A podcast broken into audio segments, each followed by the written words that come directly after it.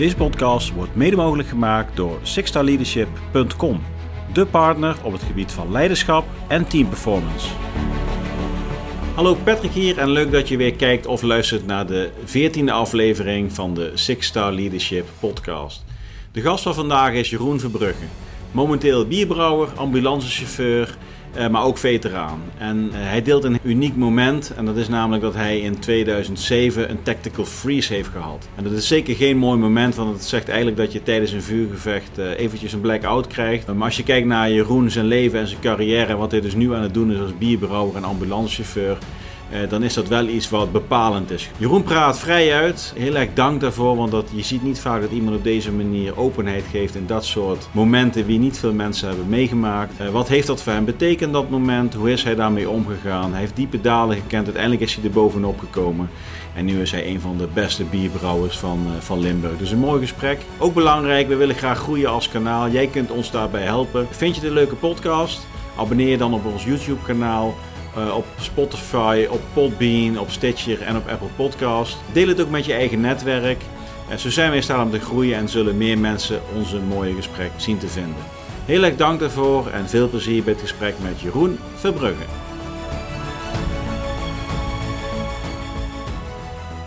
Hey, vandaag bijzondere gast, alweer een bijzondere gast uiteraard.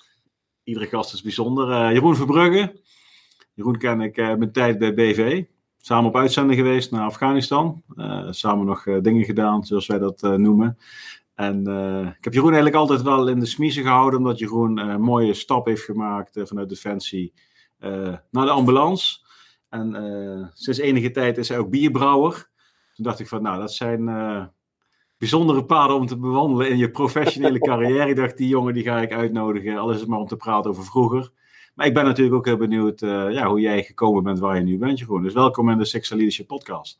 Ja, nou dankjewel. Leuk, uh, ja. leuk dat, je, dat je me gevraagd hebt. Ja, dus, je, je, zit in Limburg, hè? Klopt, ja. Zuiden ja, okay. Ja, Zonnetje dus... schijnt af en toe nog op mijn hoofd, maar het is... Ja, okay. Maar dus ze krijgen geen problemen met de wifi, hè? Nee, nee. nee okay. Hans okay. En Hans ligt het dan die van jou. Oké, okay. hey Jeroen, stel je eens kort voor voor de mensen die, uh, die jij nog niet kent, want dat zijn de meeste, denk ik, die kijken en luisteren. Ja. Uh, ja, Jeroen Verbrugge, inderdaad, samen met jou uh, uh, op uitzending geweest. daarvan kennen we elkaar. Um, ik ben 33 jaar oud. We wonen in het zuiden van het land. vader van een dochtertje van anderhalf jaar.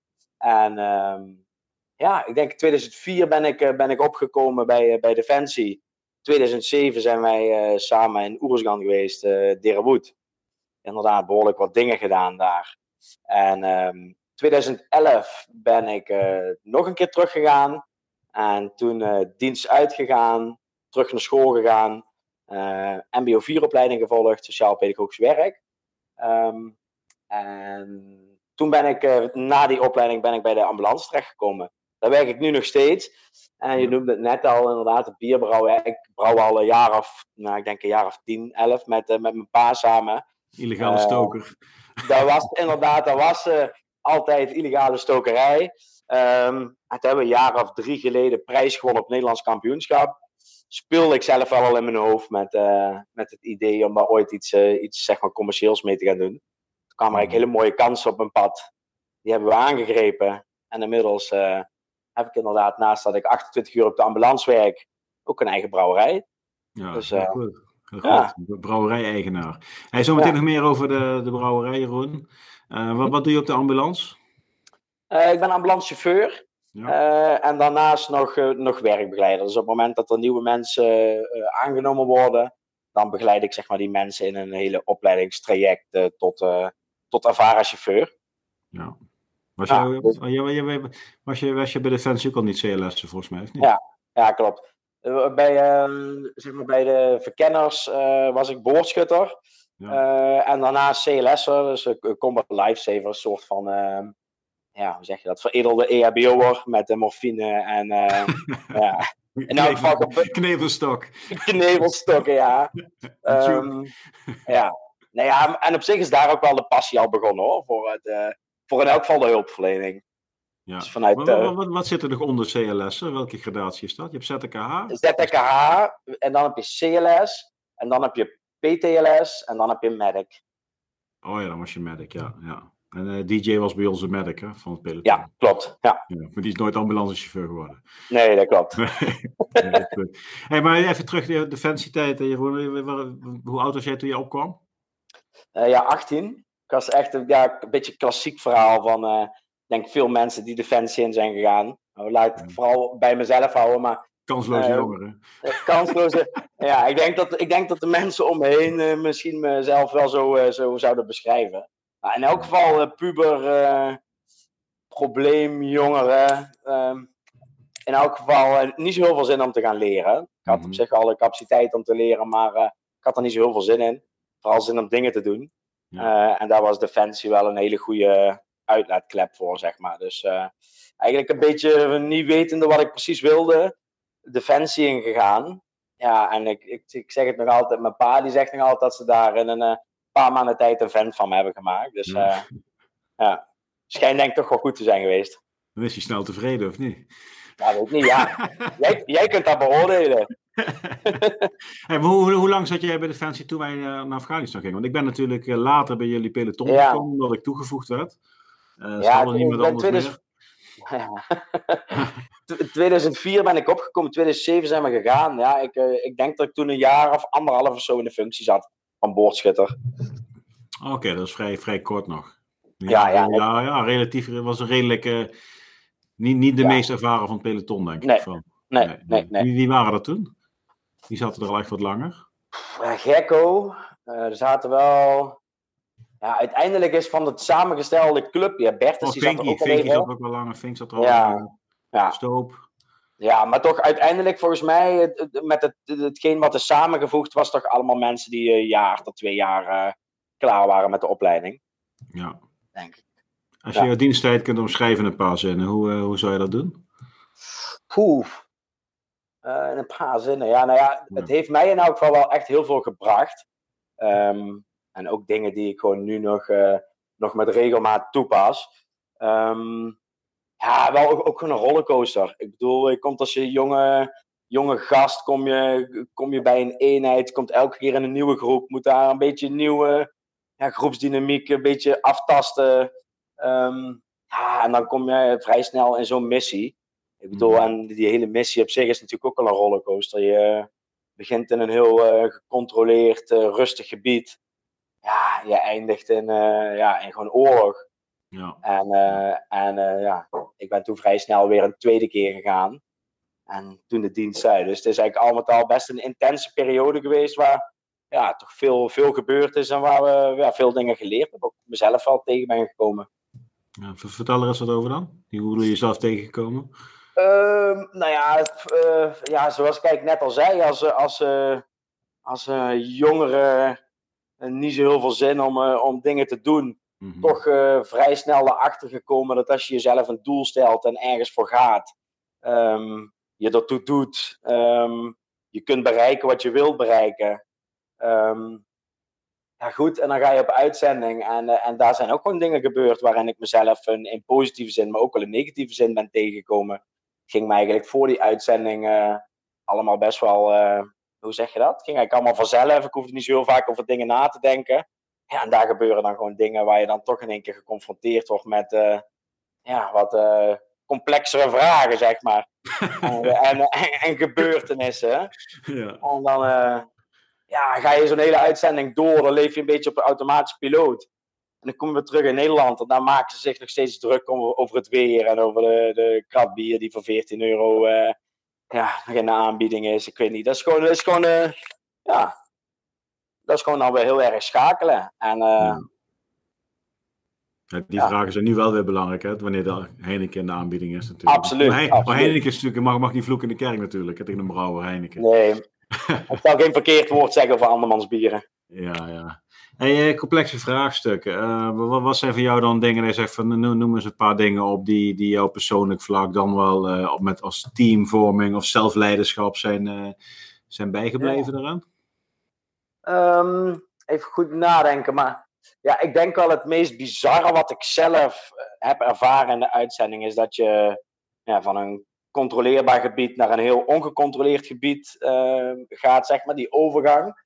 En dat je zelf dan merkt dat, dat, um, ja, dat je gewoon, uh, lijkt alsof dat je heel veel dingen gewoon verdrinkt. Zo, heb je, je, hebt daar geen tijd om, om daarbij stil te staan. Dus je komt van de ene heftige situatie, uh, collega verliezen, maar je moet gewoon weer door naar de volgende missie, omdat het gebied zo uh, instabiel is. Um, en ik had daar zelf best wel veel spanning bij. Ik was ik, best wel veel momenten bang, zeg maar, voor, voor mezelf.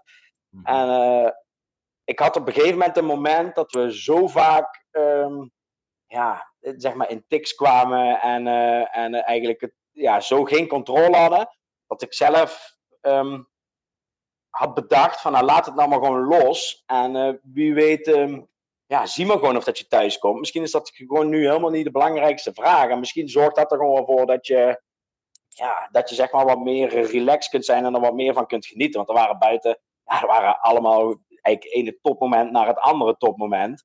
Um, maar het besef van mezelf dat ik gewoon zo ver in mijn gedachtegang was gegaan, dat ik dacht van, ja, weet je, als je niet meer terugkomt, dan, uh, dan is het ook gewoon zo. Dan uh, probeer maar dat je er nu iets moois van maakt. Ik denk dat dat besef wel behoorlijk, uh, dat ik dacht van wow. Ja, ik snap wel dat als die Amerikanen een jaar lang gaan, ja, dat ze worden zoals sommige van hun woorden. Ja, hier heb ik dus, de vorige aflevering was met generaal Maarten Kruijf, die is nog niet uitgezonden als wij met elkaar spreken, dus die heb jij nog niet gezien. Maar ik praat met hem daar ook over. Dus, dus, zeg maar hoe jij, ehm, hij, is, hij is dus generaal, hij was generaal van de RC South. Ja. En dat is even voor de mensen die dat niet weten wat het is. Kijk, je hebt Oeruzgan, dat was een provincie. Nou, je hebt zes provincies in het zuiden, die vallen onder Kandahar. En hij was daar dan de commandant van. Uh, eh, 45.000 troepen. Dus dat is iets meer dan dat wij hadden daar, zeg maar, als groepje. En, en ik heb hem dezelfde vraag gesteld van, als je langer in dat gebied zit, want hij heeft er een jaar gezeten. Uh, ja. hij, hij, gaf ook als antwoord. Dus de mensen die het niet gezien hebben, kijk die eens terug. Want hij geeft zelfs op dat niveau aan dat jij zeg maar uh, normen en waardevervaging krijgt op het moment dat je langer in zo'n gebied zit, weet je wel. Ja. En uh, ja. Ik, ik, heb zelf ook gedacht van, goh, ik ga niet meer thuiskomen. Ja.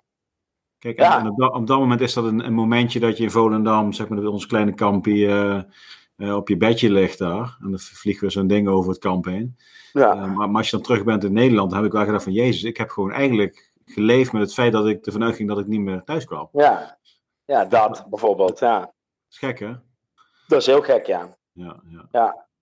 Ja, en, en dat, ja, de, ik denk het besef daarvan dat je zo ver gaat. En ook gewoon dat, dat dingen normaal worden. Hè. Kijk, dat wij op een gegeven moment uh, de, zeg maar te horen kregen dat ze ons uh, op Volendam, op ons kleine kampje waar we met 30 man zaten, dat ze ons s'nachts even allemaal koud kwamen maken. Dat ze die berg op kwamen. En dat er dan gewoon uh, in plaats van mensen bang worden, dat gewoon 30 man beginnen te juichen en hun buksen beginnen te pakken. En weet je, dat je gewoon denkt van, het is eigenlijk gewoon niet normaal wat er gebeurt. Maar het is wel gewoon, eh, ja, wat, wat dat doet met iemand. Ja, Als je in zo'n situatie zit. Ja, ja kijk, en, en qua, qua leiderschap en qua wat ik straks al zei, ik heb, ik heb eigenlijk altijd wel voor die tijden behoorlijk zorgeloos, ja, en ook van niet zo heel vaak hoeven nadenken over moeilijke dingen. En um, voor de mensen die het niet weten, en je hebt het al eens verteld in een eerdere podcast, jouw helm-incident, zeg maar ja, kijk, daar was ik ook onderdeel van. Ik zat ook uh, in die groep um, toen we op Shingula dat vuurgevecht kregen.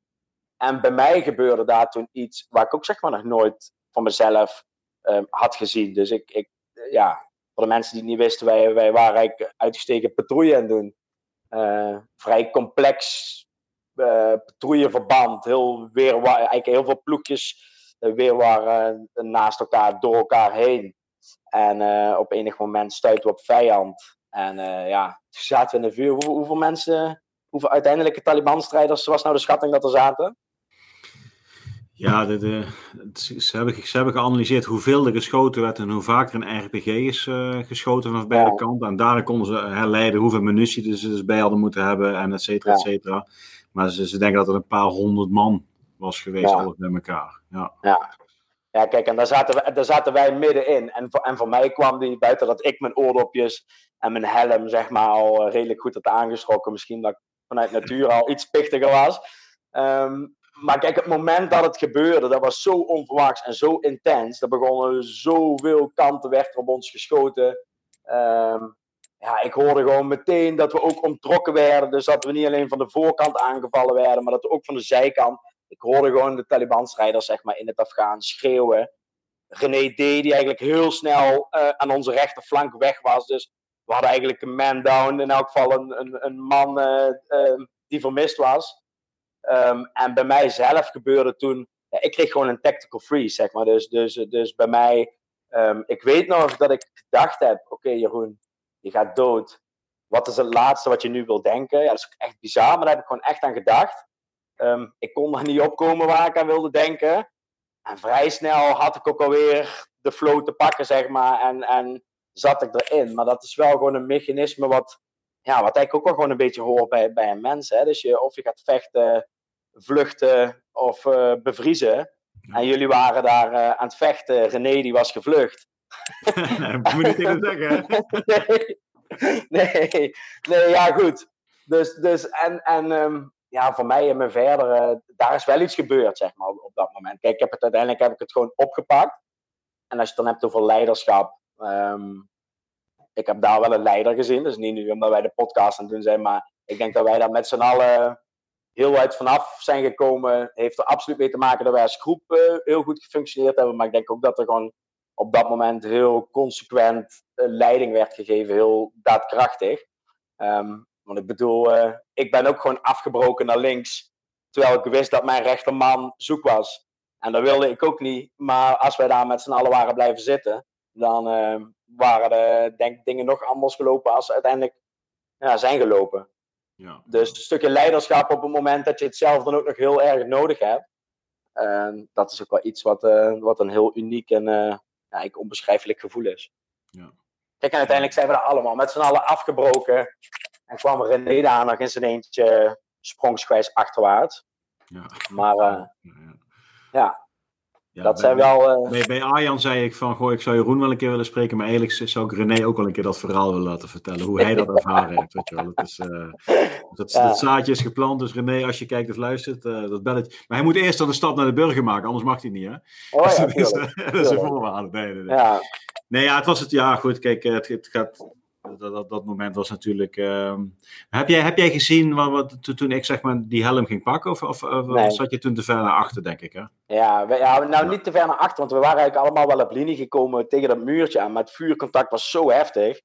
En volgens mij vlogen er handgranaten, RPG's, ja, mortieren, alles. Omschrijf eens wat jij zag, want ik, ik, ik zat natuurlijk zelf, uh, iedereen heeft zijn eigen beeld ervan. Ja, ik, ik zag niet superveel, want ik zat gewoon tegen het muurtje aan en uh, ik keek eigenlijk een wietveld in. En ik heb gewoon continu mee vuur gegeven op dat wietveld. Dus jullie waren eigenlijk vooraan. Ik denk, zeg maar, Sander en jij en Piers. Ja. De enige die zicht hadden op dat straatje, zeg maar. Ja. In elk geval dat, dat pad. Ja. Dus, dus, uh, maar ik hoorde ze overal. Ik hoorde ze, ja, ik hoorde ze eigenlijk aan alle kanten schreeuwen.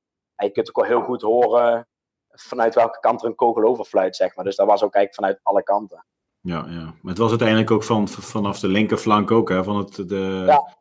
Daar heeft Harm, uh, Harm heeft er wat over gezegd, van, ja, van, van, van Roggema, dat, uh, dat peloton. Ja. Hey, uh, Jeroen, heeft je die, die, die tactical freeze, ik hoorde dat later natuurlijk ook toen wij terug waren op het ja. kamp, omdat dat plaats. Ik heb dat ter plekke helemaal nooit gezien, of wat nee. dan ook. anders had je... nee, nee, nee, nee, nee, maar goed. nee, die dingen kunnen gebeuren. Kijk, en, en, en ik denk dat het ook wel mooi was in onze groep. Um, Kijk, als, als het niet zo is, moet je het zeggen hoor. Maar Ik ben er nooit echt op afgerekend zodat het gebeurd is. Maar iedereen had zijn eigen deel in de actie. En, en, en ja. iedereen was, er het waren alle puzzelstukjes die vielen op de juiste plek. En dat hoorde er ook bij, weet je wel. En, zo. Uh, ik heb, dat zelf ook, ik heb dat zelf ook absoluut niet ervaren. Want ik bedoel, weet je, dat is gewoon... Veroordeeld, dat is gewoon... veroordeeld. Dus daar wordt zo ja. Je bent er nooit voor veroordeeld, laat ik het zo Nee joh. Nee joh, maar dat, maar dat is ook, ja, hoe, je, hoe je dat ook bent of keert. Dat is een primaire reactie. Dus vanuit je reptiele brein, daar is echt iets, zeg maar, dat, daar kun je helemaal niks aan doen. Dat gebeurt gewoon op dat moment. En kijk, en dat is gewoon het mooie met, met teamwork. En vooral als je gewoon eigenlijk zo goed op elkaar ingespeeld bent. Kijk, weet je, daar gebeuren dingen. Maar uiteindelijk heeft dat geen gevolgen voor de actie. En uh, uiteindelijk is het ook gewoon een hele korte periode geweest. Heb ik hem daarna gewoon weer opgepakt. En, uh, en we hebben daar gewoon met z'n allen uiteindelijk gewoon enorm om gelachen. Het is gewoon wel bij mezelf. Ja, weet je, het feit dat dat bij mezelf gebeurd was, heeft bij mezelf wel wat teweeg gebracht en, en gedaan, zeg maar. Dus um, wat heeft dat dan gedaan uiteindelijk? Want je bent, uh, ik schreef de uitzending door, we komen ja. er nou weer terug. Nee, je hebt toch het, want het was eigenlijk relatief in het begin van de uitzending. Ja. Dat, dat was ja, weet je, het, uiteindelijk, uiteindelijk um, op de uitzending heeft dat denk ik alleen maar de, ja, de, spanning wat vergroot, zeg maar. Dus dat, dat ik wel gewoon wist in mijn achterhoofd, ja, als het heel erg heet wordt onder de voeten, ehm, is dat in elk geval hoe ik toen gereageerd heb. Ehm, ja, en ik denk, ik denk vooral dat ik hem terug op mijn bordje heb gekregen de, de uitzending later. Dus ik, ik, ben, uh, ik heb daar eigenlijk toen, hebben gewoon leuk, leuk uitgesproken. Um, was eigenlijk ook helemaal geen ding. Ja, de hele uitzending zijn nog wel heel veel andere dingen gebeurd. Uh, maar vervolgens terug in Nederland gekomen, ook eigenlijk nooit nergens last van gehad. Alleen toen ging ik snel genoeg daarna, anderhalf jaar daarna of zo, um, kreeg onze eenheid weer een missie om, uh, om 24 man te leveren voor een uh, OMLT-missies, Operational Mentoring and Liaison Team. Uh, het opleiden van Afghaanse militairen. Mm. Um, en daar moesten eigenlijk manschappen um, voor voorgedragen worden die en uitzendervaring hadden en leidinggevende capaciteit hadden, die in elk geval bevorderd konden worden tot onderofficier. En goed, en daar stond mijn naam ook op het lijstje. Um, Alleen hoe ik weg ben gegaan in Oersgan, zeg maar, met dat spanningsgevoel. Daar had ik, toen ik terugkwam in Nederland, had ik dat helemaal losgelaten. Maar toen ik in 2010 weer landde op Afghaanse bodem, toen, uh, toen is dat gevoel eigenlijk, uh, vanaf dat ik de eerste voet op, op Afghaanse bodem zette, is dat gevoel, um, eigenlijk die spanning uh, weer heel erg teruggekomen. Dus um, met daarin ook nog dat ik daar een wat complexere missie had. In elk geval niet die groepsdynamiek die wij gewend waren. Dus je zat daar gewoon met de drie Nederlanders op een squad Afghanen. Ja, dat is zeg maar vergelijkbaar met kinderen uit groep 5 met een AK en een RPG op de nek, zeg maar. Ja. Um, communicatie via een tolk. Um, ja, wij deden daar gewoon uh, opdrachten plannen, intelligence verzamelen, routeplanning. Eigenlijk gewoon de hele COVO-procedure deden wij met hun. Dus de verantwoordelijkheid die ik daar had, die was eigenlijk ook nog een stuk hoger uh, dan, uh, dan hoe die was in 2007. En ik denk dat zeg maar de stukje onzekerheid, het stukje waar ik ook ja, zeg maar, naarmate nog wel last van heb gehad. Zit, de oorsprong zit in 2007, maar de verdere uitwerking die heeft zeg maar, plaatsgevonden in, uh, in 2009, 2010. Ja, na die, tweede, na die tweede missie. Heb, ja. heb, je daar nog echt last van gehad dan, na die tweede uitzending? Toen ja. terug Nederland? Ja. ja, ik heb er ook wel uh, uiteindelijk best wel wat behandeling voor gehad. Mm -hmm. um, maar inmiddels ben ik er wel voor mezelf achter hoe het, zeg maar, het verhaal in elkaar steekt. En um, ik denk voor mezelf het belangrijkste dat met de hulp die ik gekregen heb, dat ik gewoon geaccepteerd heb dat ja, wat er is gebeurd in 2007 en 2011, um, daar heeft gewoon een stukje achtergelaten litteken. Ja, ook super veel mooie dingen. Mm-hmm. Um, maar weet je, uiteindelijk zit het hem voor mijzelf in een stukje acceptatie. Dat ik gewoon heb geaccepteerd dat ja, sommige dingen gewoon uh, niet meer weggaan. En dat is helemaal niet dat ik, uh, dat ik het daar heel moeilijk mee heb of dat ik daar heel veel last van heb. Um, maar soms herken je gewoon heel erg dingen of gebeuren dingen. En dan, uh, ja, dan, dan kan ik nu zeggen: van ja, oké, dat is misschien dan nog een klein stukje wat daarvan is dat hoort erbij, accepteer het. En eigenlijk na mijn uitzending 2010, 2011 um, worstelde ik daar heel erg mee en verzet ik me daar heel erg tegen. Um, ja, en ik denk dat stukje dat ik het nu accepteer, van nou, het gaat misschien nooit meer worden zoals het was voor mijn uitzendingen, mm-hmm. um, kan ik ook daadwerkelijk goed mee omgaan. Maar dat heeft wel uh, no. behoorlijk wat gekost, zeg maar, in de investering in jezelf. Ja. Heb je diep moeten gaan dan, om, om daar uiteindelijk tot te oh. komen? Ja, ja dat denk ik wel. Ja. Dat is, uh... ja. ja, dan moet je diep gaan om, om, om uiteindelijk achter zo'n antwoorden te kunnen komen. Hè? Kijk, dus, uh, er zit, zit zoveel omheen. En daar zitten twee uitzendingen omheen. En daartussen natuurlijk privé ook nog wel wat dingen. Um, en om dan te komen tot het punt dat je denkt van oké, met dit verhaal heb ik het voor mezelf scherp en denk ik, oké, de basis ligt in 2007. Dat is verder gegaan in 2011. Um, nou, dan kom je terug in Nederland. Heb je een half jaar lang heb je mega hoge spanning gehad, mega hoog adrenaline level. Ja, en dat is een heel bekend probleem bij veteranen. Dat op het moment dat je met een heel hoog adrenaline level terug in Nederland komt. En je komt er dan achter dat dat een beetje te veel is. En je lichaam gaat dan het adrenaline afbreken dan gebruikt je lichaam daar cortisol en, uh, en serotonine voor. Dus ja, ik kwam eigenlijk terug met mega veel adrenaline en ik kreeg eigenlijk alle energie kon ik niet wegkrijgen. Maar hij viel heel snel viel ik in een heel diep gat. En, en dat heeft wel even gekost, ja. om, daar, om daar goed uit te komen. Ja, knap. Fijn dat je er doorheen bent gekomen. Want ik heb dat natuurlijk ook allemaal niet meer. Ik ben natuurlijk in 2008 ben ik eruit gegaan. Hè? Dus het is, uh, maar het is iets wat, wat je eigenlijk binnen ons hele peloton wel ziet bij, bij meerdere mensen. Dat het echt wel een, uh, een, een, ding is. Het, het, heeft heel veel gebracht. En, en ik denk dat we allemaal de tijd koesteren die we gehad hebben. En sommigen zijn één keer geweest, sommigen twee keer, sommigen zelfs drie of vier keer. Ja. Uh, maar dat, dat, we allemaal er altijd wel iets van blijven behouden. Ieder op zijn eigen manier. Begrijp ik niet verkeerd. Maar dat is... Nou, Kijk, en, een heftige tijd. En ook gewoon superveel mooie dingen hoor. Want uh, eigenlijk veel meer mooie dingen dan, dan dit, zeg maar. Maar dit is dan gewoon een stukje op persoonlijk vlak, wat dan, ja, weet je wel, langer, langer naast komt. Maar, in de, zeg maar toen je me gevraagd hebt voor die podcast, ben ik eens een beetje terug gaan denken. En dacht noem, van, noem eens wat mooie dingen. Ja, noem eens wat mooie even, dingen. Eventjes, even, even los. Ik, dit zijn wel hele mooie dingen. Als je dus, als je dus Kijk, je hebt, je, eigenlijk ben jij gedwongen om op zoek te gaan naar jezelf. Kijk, en, en, hoeveel mensen is dat gegeven? Uh, je moet eerst door de stront heen, noem ik het maar eventjes. Ja. Maar misschien de persoon wie je nu bent, was je nooit geworden. Als nee, je door, de, door, de, door, de, door de spreekwoordelijke shit was gegaan. Weet ja. je? Dus is, uh... Oh, maar ik zie, ik zie het ook echt zo. En dat is ook onderdeel van het proces. Kijk, voor, ik, kijk de, de negatieve dingen, daar heb ik toen ik op, op het punt stond om Defensie te verlaten, zat ik heel erg veel te denken aan die negatieve dingen, zeg maar. Kijk, en dat is ook gewoon iets wat, wat ik geleerd heb. Dat heeft gewoon geen zin. Er zijn gewoon dingen gebeurd die, die een nadelig effect hebben gehad. Maar het overgrote gedeelte is gewoon super mooie herinneringen, unieke herinneringen. Ja. Um, maar noem eens wat, wat, wat, mooie dingen waar je denkt van, nou, dit, zijn, dit, dit is iets wat, uh, wat bijzonder is. Ja, die dynamiek gewoon met elkaar, zeg maar. Gewoon die, die smerige, leuke grapjes, die, die, die, die harde humor, gewoon lachen met elkaar. Weet je wel, Bertus en, en Puikie met een vieze shirt en uh, ja, ja. Nou, valt even weg. Oh ja. Ja, daar is hij weer. Ja. Bertus en ja. Puik met? Met een vieze shirt, weet je wel. Bertus die gewoon uh, alles aan zijn shirt afsmeerde. Richard die zich, uh, ja, ja, die te pas en te onpas zijn balzak liet zien en liet voelen aan iedereen. ja, ja. ik, ik, heb, ik heb vanochtend de statistieken nog gekeken, maar 85% van onze luisteraars is man dus. Ja. dat zal voorlopig ook wel even blijven zo, denk ik. Dat is, uh, ja. Alle vrouwen zijn welkom uit. Ja. Um, Oké, en, en eventjes, zeg maar, um, kijk, ik, ik, vind natuurlijk leiderschap en zelfleiderschap mooi. Maar wat heb je voor jezelf eruit gehaald? Waar, waar, je bent uiteindelijk die stap naar de burger gemaakt, je bent gaan studeren, je bent uiteindelijk op de ambulance terechtgekomen. Maar wat heb jij in een stukje leiderschap en zelfleiderschap daaruit gehaald? Dat, dat kan zijn van anderen, dat kan zijn van jezelf. Um, nou ja, ik denk vooral op, op, mijn, eigen, op, op mijn eigen vlak dat ik... Uh, eh, kijk, je hebt gewoon uh, competenties waar je, waar je zelf heel goed in hebt ontwikkeld. En competenties waar je misschien iets minder goed in bent.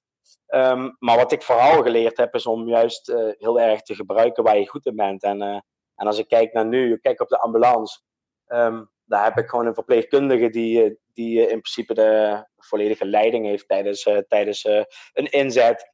Uh, maar ik kan prima met de competenties die ik bezit daarin heel goed participeren, zeg maar. Dus ik, ik ben in een rol gaan zitten waarin ik, uh, waarin ik mezelf ook heel veilig voel en waarin ik uh, ja, kan, kan excelleren, zeg maar. Mm. En dat heb ik in de, in de brouwerij ook. Kijk, het, het plan bedenken en, en um, mijn passie overbrengen, daar ben ik heel goed in. Um, maar om daadwerkelijk iets van nul op een heel gestructureerde manier op te zetten rekening houden met alle regelgeving. Daar ben ik gewoon niet zo goed in. Dus daar um, ja, heb ik vooral mensen voor gezocht die daar wel goed in zijn. Dus ik denk vooral uh, het gebruiken van de kwaliteiten die je hebt. En uh, uh, eerlijk zijn over de dingen waar misschien iemand anders ja, meer uit kan halen. Snap je wat ik bedoel? Ja, zeker. Snap ik bedoel. Maar ja. is, er, is er iets wat je uit je dienst hebt gehaald? Of iets wat er gedurende die periode na Defensie heb, hebt ontdekt? Nee, ja, ik denk wel... Um, ik denk wel dat ik daar echt uit, uit de defensie eh, heb gehaald. Dat, uh, dat ik daar van, uh, van scholier in één keer een vreemde groep in kom. Dat ik dacht van, oh ja, ik ben eigenlijk best wel goed in, in sfeer maken. Um, zeg maar dat je gewoon eigenlijk zo hebt geleerd om, ja, om eigenlijk de dingen waar je goed in bent in te zetten. Ik denk dat dat wel voor mij kenmerkend is wat ik uit defensie heb gehaald. Dat ik daar heel erg de kans heb gekregen elke keer om de dingen te doen waar je goed in was. Ja, Zeg maar een stukje, stukje medische hulpverlening vond ik al heel snel leuk. nou, kon je daar een mooie cursus voor gaan doen. Op het moment dat je die cursus hebt gehad, kon je gaan proberen om de, het niveau van de groep omhoog te halen. Oh, jij kreeg altijd alle cursussen, hè? Ja, dat klopt, ja. Dat was jij. ja, ja. Jij altijd... Kijk eens. Ja, ja. Zat, zat er altijd diep in. dat, dat je zegt. Ja, want jij, jij zat natuurlijk bij Marco op de... Jij was bij de OPC, hè?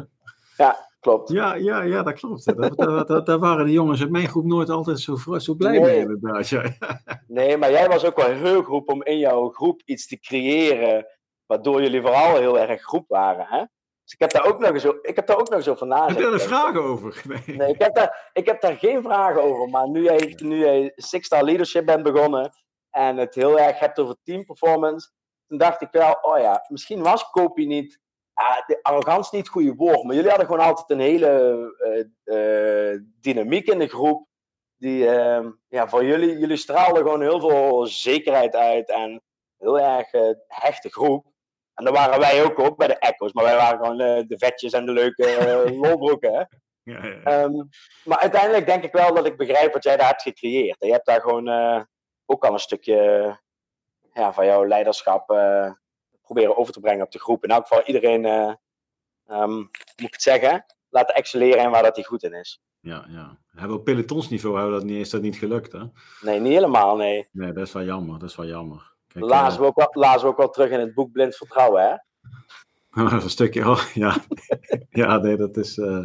Ja, maar ik weet over nou niet over het hebben. Ja, nee. Nee, daar, kijk, ik kan over alles hebben. Deze podcast wordt er bijna niemand geluisterd, dus alles mag gezegd worden hier. Ja, nee. Okay. dus, nee, ja, kijk, even, even dat groepsproces. Kijk, dat is wel leuk dat je dat aanhaalt. Um, ik, ik heb dat principe nooit meer losgelaten, ook niet toen ik bij alle bedrijven ben gaan werken, wat ik nu doe.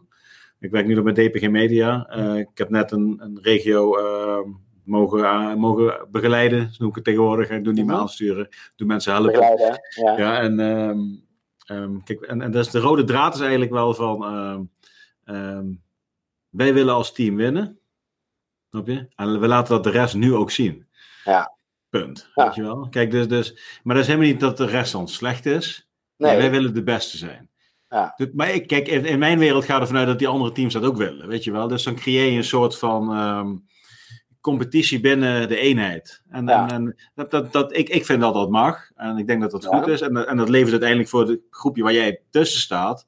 Gaan mensen zichzelf overtreffen. Want ze willen natuurlijk wel ja. aan de lat en ze willen wel aan de ijs voldoen. Weet je wel. Kijk, als je op een leuke manier kunt doen en, en gezellig. En dan, dan, dan, dan werkt dat. Um, op het moment dat jij in een omgeving bent waar jij uh, niet alle. Uh, ik zeg niks over jouw groep hoor. Maar als jij in een omgeving bent waar uh, meerdere groepen of een deel van die afdeling, dat, dat peloton, et cetera, daar niet in meegedoet en het prima ja. vindt, dan krijg je scheve verhoudingen.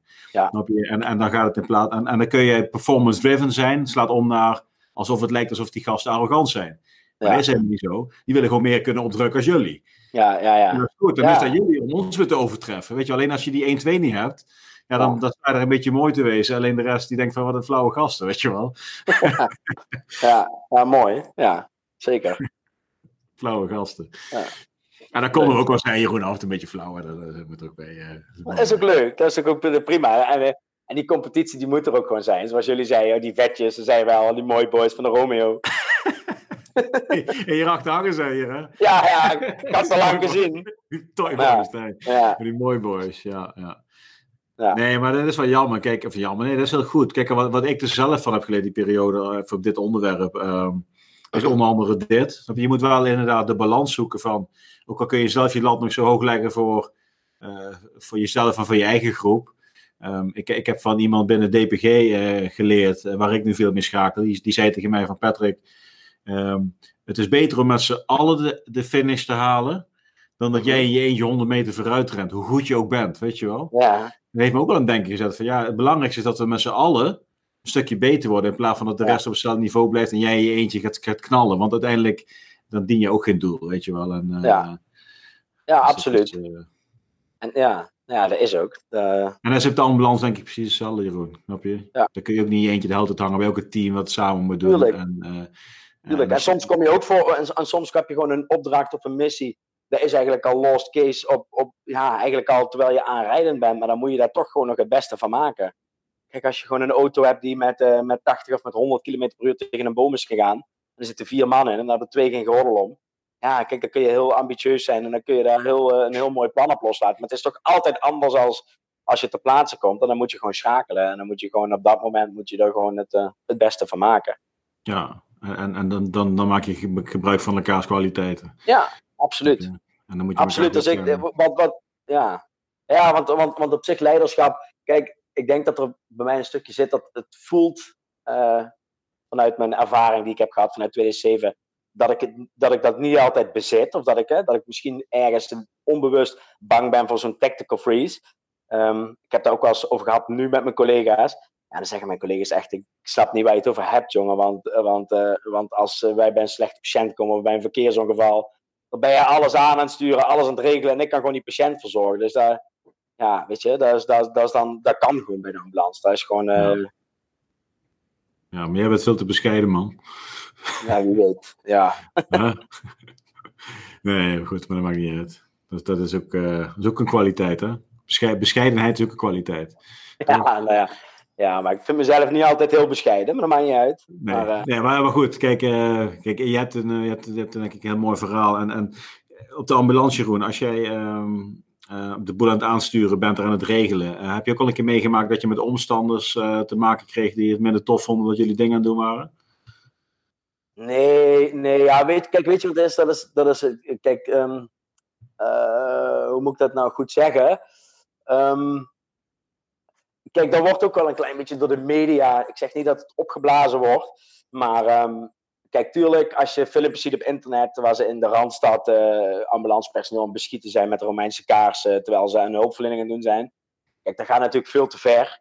Um, maar ja, weet je, je moet soms ook in, in perspectief zien. Hè? Als, er, als er een steekpartij is geweest uh, en of er is een schietincident geweest en er zijn twintig man met elkaar op de vuist gegaan en wij moeten komen en het duurt een kwartier voordat wij er zijn. En weet je, je komt gewoon soms in een hele opgefokte sfeer, kom je gewoon terecht. Uh, omdat gewoon de situatie al heel opgefokt is. En dan, uh, en dan is het één, denk ik, uh, hoe ga je daarmee om en hoe deescalerend kun je optreden. Kijk, soms kun je er gewoon niks aan doen. Vliegt de vlam in de pan en dan ja, zit je gewoon in die situatie. Maar um, ik, mijn eigen ervaring is dat, dat, dat het op zich allemaal best wel meevalt. Um, dat het gewoon vooral is dat je gewoon in, in hele uitzonderlijke situaties komen waarin, waarin er al heel veel vooraf is gegaan um, voordat wij ter plaatse komen. Hè. Je hebt ook vaak mensen die verwacht zijn. Um, ja, kijk, de, die kun je toch niet kwalijk nemen. Zeg maar. Als die met een bel bij de ING binnenstaan, ja, omdat ze denken dat de ING bang van hun is, maar uiteindelijk zijn ze hartstikke psychotisch. Ja, dan, uh, dan, uh, dus het is denk ik vaak de, vaak de situatie waar je, waar je in zit. En natuurlijk, binnen onze regio komen er ook uh, jaarlijks volgens mij twintig geweldsincidenten voor. Dus dat hulpverleners van ons toch, of collega's toch klappen krijgen of bespuugd worden. Ja, dat is, dat gaat, dat is gewoon allemaal veel te veel. Dat gaat veel, veel te ver. Um, maar verhoudingsgewijs is het... Ik denk dat in de Randstad het probleem misschien ook nog wel iets groter is. Ja. En ik denk dat de media het ook wel... ja, soms uh, zo laat zien dat het. Ja.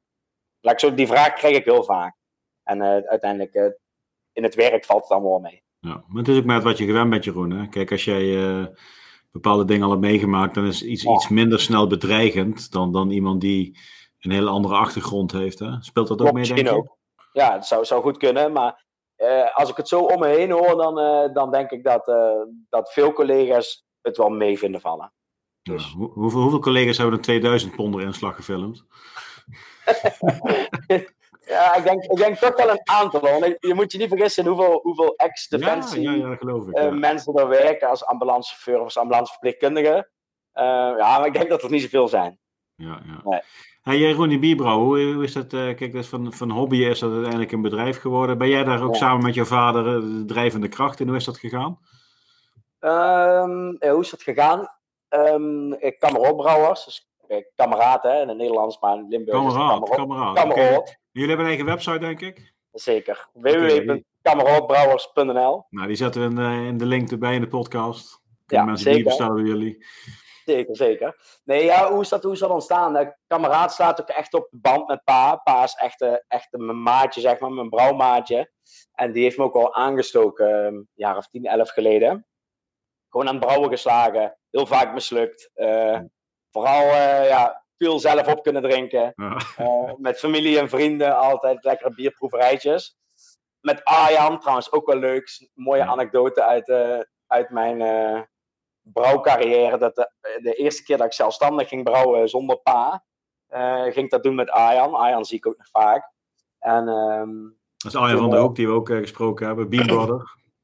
Precies, ja. Ja. En, um, en toen gingen wij dus brouwen samen. En uh, toen hadden we ook bedacht dat we juist heel veel inspiratie moesten hebben tijdens de brouwdag. Dat is bullshit, want die inspiratie die moet je van tevoren al hebben. Maar goed, we hadden dus allerlei lekkere speciaal biertjes uh, ingeslagen. En uh, mijn pa die zou dan gedurende de dag één of twee keer komen kijken. En de eerste keer dat hij kwam kijken was rond één uur s middags. Toen was Arjan alleen in twee ketels aan het roeren. En toen vroeg pa, waar is Jeroen? Hij zei, ah, die ligt met zijn zatte ballen, ligt hij op de bankje te pitten. en toen kwam pa een anderhalf uur daarna kwam hij nog een keer. En toen lag Arjan te pitten. Toen was ik er twee ketels aan het roeren. Uiteindelijk hadden we 40 liter zuur bier. Niet te zuipen, weg kunnen flikkeren. Maar uh, ja, goed. zeg maar, zo is het een beetje begonnen. Dus echt in de keuken thuis in, in een pan roeren en uh, je bier brouwen. Um, en dat begon eigenlijk steeds serieuzere vormen aan te nemen. Um, eigenlijk steeds meer verdiept in, in, in het proces. En uh, toen hebben we vorig jaar, twee jaar geleden, de eerste prijs gewonnen op het Nederlands kampioenschappen. En uh, een paar vorig jaar de derde prijs. Ja, en toen is eigenlijk alles een beetje gaan rollen. En toen, uh, ik had wel al ergens zo in mijn achterhoofd van, nou, daar wil ik ooit, wil ik daar wel iets mee. Um, maar ja, toen kwam het eigenlijk allemaal heel snel op mijn pad echt in een heel mooi pand van bijna 300 jaar oud. Wat twee broers ja, een hele hoop geld hebben ingepompt om daar een super chique horeca-locatie van te maken. Met alle oude ambachtelijke dingen die behouden zijn gebleven. In Horst is dat toch? In Horst, ja. Echt aan het water, in het bos. Um, en ja, goed. En, en hun heb ik toen gevraagd, eigenlijk vroeg, vroeg die eigenaar, daar had ik alles bier aan geleverd. Um, die zei van, ja, is er niks voor jou om daar, uh, om daar iets te gaan doen? Dus toen ben ik eens aan het denken geslagen en een paar keer met Arjan gaan zitten en begonnen met een businessplan te maken. En ik kwam ook wel heel snel achter dat, ja, dat ik echt wel nog iemand erbij moest hebben die, die de commerciële kant een beetje kon gaan doen en die, die alle regeldingen kon gaan doen. En pa die zocht dat niet, dus pa die zei ik wil heel graag met jou mee gaan brouwen, maar ik ga bijna met pensioen en ik hoef er geen berg werk bij. Um, het zijn wij een heel plan uit gaan werken. En dus mijn schoonbroer is erbij ingestapt. Hebben een installatie laten maken in China. Mijn schoonbroer is werktuigbouwkundige, dus die heeft uh, um, goed geluisterd naar pa en ik wat we wilden kunnen met die installatie. Um, ja, en inmiddels hebben wij een brouwerij die, uh, die een installatie heeft van 200, 250 liter. En dan maken we vooral private label bieren. Dus op het moment dat jij als horeca-ondernemer zegt van ik wil een eigen bier, dan worden wij kameraad van elkaar en dan gaan wij, gaan wij bier ontwikkelen. Um, ja, en dan kun je dan zeg maar zelf gaan verkopen. Ja, en hoeveel, eh, hoeveel, hoeveel soorten, eh, hoeveel klanten heb je nu al? Waar je verbruikt? Ja, we zijn, we zijn vanaf 1 december zijn we open. Um, en uh, ja, we zijn eigenlijk vanaf 1 december ongeveer op volle capaciteit. Dus ja, je zit eigenlijk gewoon met, hè, we hebben vier gistanks. En als je één browser maakt, is de gist denk ik vier weken bezet. Mm Dus we zijn vanaf 1 december gewoon op volle capaciteit aan brouwen. Um, en we hebben eigenlijk nog niet eens echt moeite hoeven doen om klanten binnen te halen. Dus komt, tot nu toe komt het nog allemaal een beetje zelf uh, richting ons. Um, maar ja, goed, corona heeft ook wel een klein beetje goed in het eten gegooid in die zin. Dat uh, wij deden ook workshops waarin, waarin ik als brouwer dan heel erg de focus legde op het proeven van speciaal bier, de techniek van het proeven. En dan kregen we vanuit de horeca onder bijpassende hapjes. Die, die is eigenlijk heel complementerende hapjes. Maar ja, goed, vanaf, vanaf de corona-uitbraak is de horeca is daar gewoon dicht. Um, en workshops geven we dus ook niet meer. Dus uh, ja, dus even kijken hoe dat, het dadelijk, uh, hoe dat we het dadelijk vormen geven. Want de horeca gaat dan zo meteen weer open. Mm -hmm. um, maar ja, een proeverij op anderhalve meter geven in de ruimte die we hebben, dat is, dat is niet echt haalbaar. Dus even, ja, voor ons ook in dat stukje nog een beetje onzekerheid. Maar goed. Ja. Ja, maar hoeveel, hoeveel soorten bier heb je al gemaakt dan? Want je hebt dan uh, 250 oh, liter per, eh, per, per, maand, is dat dan? Ja, 250 liter per week en dan brouwen we ongeveer drie keer per maand. 750 liter ongeveer. Ja, ik denk een brouwsel of 10 vanaf 1 december. En dan hebben we ook al extern uh, 1000 liter gemaakt bij een grote brouwerij. Dus op het moment dat we een klant hebben die, die uh, grote volume wil, dan uh, gaan wij naar Weert. Daar is een zeg maar, grote brouwerij En dan huren we daar gewoon ketels van 1000 liter. En dan brouwen we gewoon op die installatie. Ja, oké. Dus zeg maar, Boreel heeft ook zijn eigen biertje nu volgens mij. En dat is dan zeg maar een private label biertje wat ze gewoon laten maken en dan etiketje erop en dan hebben ze een eigen flesje, een eigen drankje. Ja. Okay. Ja. ja. Dus Kijk, leadership pills. Ja, ja, wie weet. Als jij, uh, als jij uh, goed gaat groeien en uh, wil afstappen van die sippen mok en een stoer biertje. Sippen mok? Stel in de rij, joh. Laatst was mijn site overbelast van mensen die op zoek waren naar de webshop om de mok te bestellen. ja, ik kwam er ook niet door. Ik was met, drie, dus ik, met drie devices was ik bezig. Ik heb een zooi pallets besteld en toen kwam corona, dus dat schip ligt nog ergens in uh, Wuhan ergens. Dus uh, doe nog eventjes. Dus mensen nog even wachten op de mokken, ze zijn onderweg. Ja. Maar dat zou wel geinig zijn, dat je, dat je dan gewoon inderdaad uh, als bedrijf zijnde of als vereniging of wat dan ook ja. je eigen pilsje hebt met een, met een mooie smaak wat jij vindt passen bij, bij, bij, bij de mensen ja. waar je mee drinkt of waar je bedrijf dat is het echt. Dat, dat is het echt en dat is ook wel heel leuk, want we, ja, we hebben nu dan eigenlijk een bier ontwikkeld voor een, voor een IT... Ja, proost. Voor een, uh, voor een bedrijf die, uh, ja, uh, volgens mij ICT, um, in elk geval planningsprogramma's voor grote logistieke bedrijven, best een rijk bedrijf. En die hebben daar ook gewoon een heel ding van gemaakt. Dus die hebben echt binnen het bedrijf gezocht naar mensen die mee wilden ontwikkelen aan het bier. Zijn we echt met die mensen samen gaan proeven, recept gemaakt. Tijdens de brouwdag zijn ze dan komen kijken. Um, hebben zelf een naam bedacht. We hebben dan een, een, een, uh, eigenlijk een soort schabloon voor een etiket.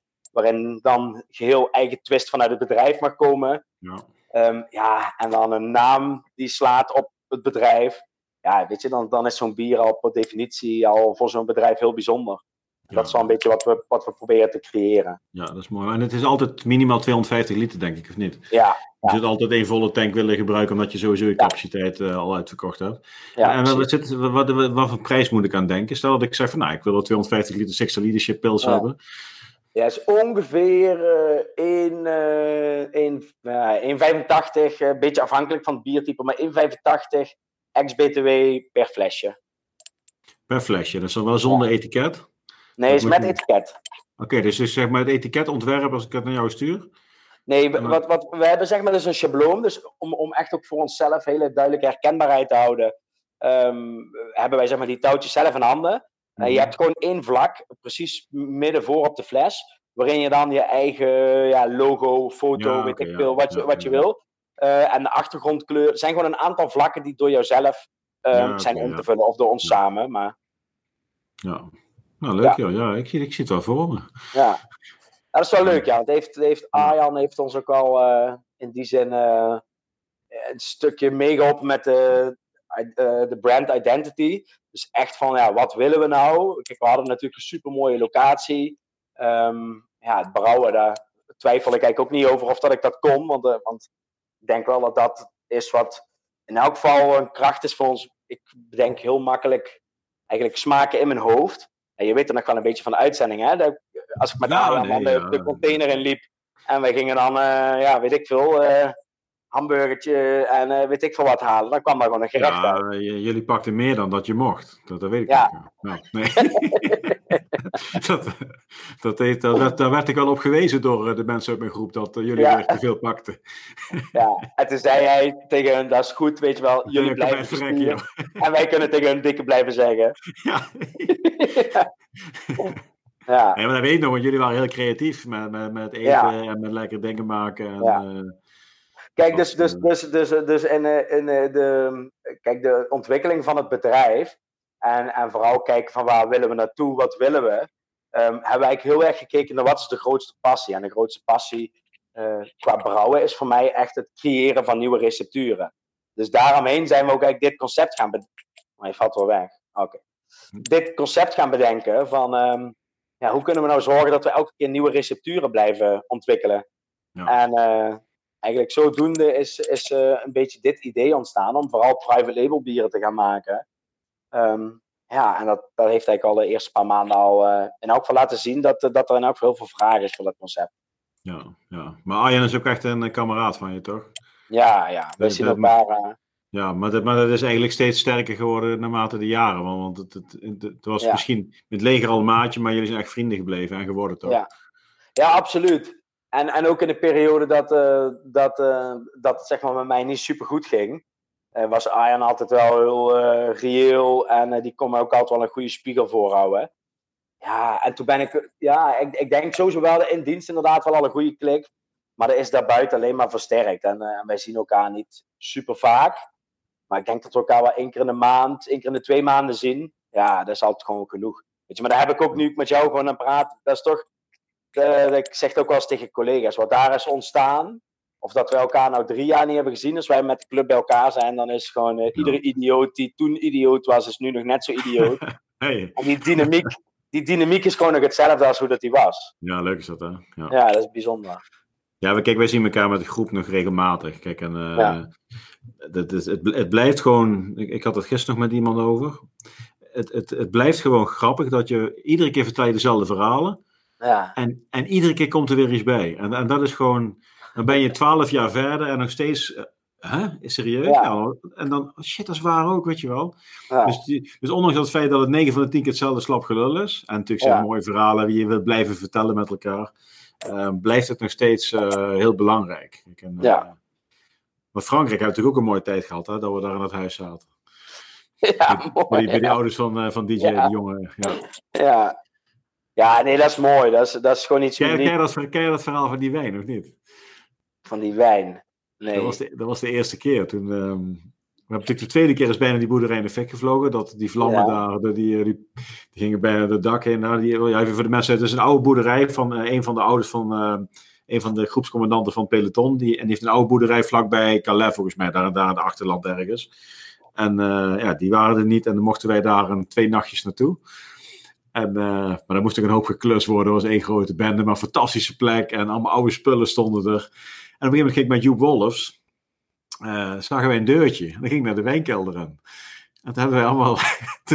toen, zei eh, Joep tegen mij: van welke wijn moeten we pakken? Ik zeg: Doe maar degene met de meeste stof erop. Dat zijn vaak de duurste. Al die flessen wijn mee teruggenomen naar boven toe. Al die wijn opgedronken. En dacht erop Diederik: Hé, hey, waar is al die wijn heen? De wijn van mijn ouders. Weet je die staan daar in de hoek. Dus dat was waarschijnlijk wijn van honderden jaren oud. Dan kun je zo, goed, zo lang goed is. Maar ja, Ja, dat, is, ja, dat is leuk, weet je wel. En, eh, ah, mooie, mooie verhalen, unieke dingen die we daar hebben gedaan. in de barista heb jij toch ook nog eventjes koffie Ja. eh, getapt voor, Ja. voor Arjan? Ja, ja, ik ben wel regelmatig voor hem op klus gegaan. Niet, niet superveel, maar, eh, maar wel. eh, ja, gewoon net, eh, net af en toe als het gewoon zo uitkwam. Kijk, eh, heb je ook barista opleiding gedaan of was het gewoon uit de losse pols? Ja, nee, Arjan heeft mij wel opgeleid. Maar ik ben, eh, ja, nou ja, ik, eh, ik ben nooit, nooit eh, eh, hoe moet ik zeggen, ik heb het nooit een hele lange tijd achter elkaar gedaan. Dus was vaak was het gewoon, zeg maar, klusje mee, dan wat tijdje niet, klusje mee. Dus dat zorgde er wel voor dat ik vaak gewoon met iemand samen stond. Ik eh, ben blij dat je in de podcast bent geweest, jongen.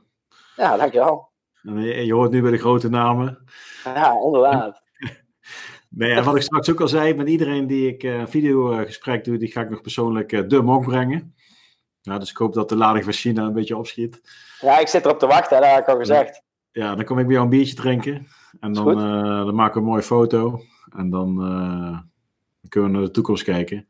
Zeker. Mooi verhaal, Jeroen. Ik wil echt bedanken. Hebben we nog iets van, want je hebt, je hebt van tevoren nagedacht van, goh, waar gaan we het allemaal over hebben? Misschien eh, is er nog iets wat je zegt van, goh, dit is nog iets waar ik graag op terug wil komen. Of wat ik nog graag wil benoemen. Iets wat je misschien nog aan mij wil vragen. We hebben natuurlijk ook lang samengewerkt. Nee, ja, niet, niet nu iets wat me. Eh, wat, zeg maar nog wat, wat op de. Op de nee, puntje van de tong ligt. Niet door op te halen zit. Nou goed, als het niet op het puntje van de tong ligt, dan is het er niet, hè? Dus dan is Nee, het, eh, dan is het helemaal prima. En goed, Jeroen, dankjewel. Mooi verhaal, man. En ik wens Dank jou eh, veel succes met, met de ambulance, maar zeker ook met de brouwerij. Ja, ik hoor het wel als jij groot genoeg bent om een eigen Six-Star Leadership hier te hebben. Nee, ik ben al groot genoeg, joh. Nee. je, bent- je, bent, je, bent nooit, eh, klein, je bent nooit te klein om je eigen biertje te laten maken. Hè? Nee, dat is ook waar. Dat is ook, je moet, alleen- moet alleen diep in de buidel tasten. Door Nou, 81 dus- dus als, je, als je BTW. slim bent, ga je deze slogan gebruiken. Je bent nooit te klein om je eigen biertje te laten maken. Oh ja, ja, Hey. ja, ja, dat is goed. Ik schrijf, ik schrijf hem op, man. Bedankt. Ja, dat is goed, man. En dankjewel, Jeroen. hè. Yes, hey. Doei. De missie van de Sixer Leadership podcast is de unieke verhalen van bijzondere personen te delen met zoveel mogelijk mensen. Jouw hulp is daarbij nodig. Dus vind je het een leuke podcast? Like deze dan en deel deze met je netwerk.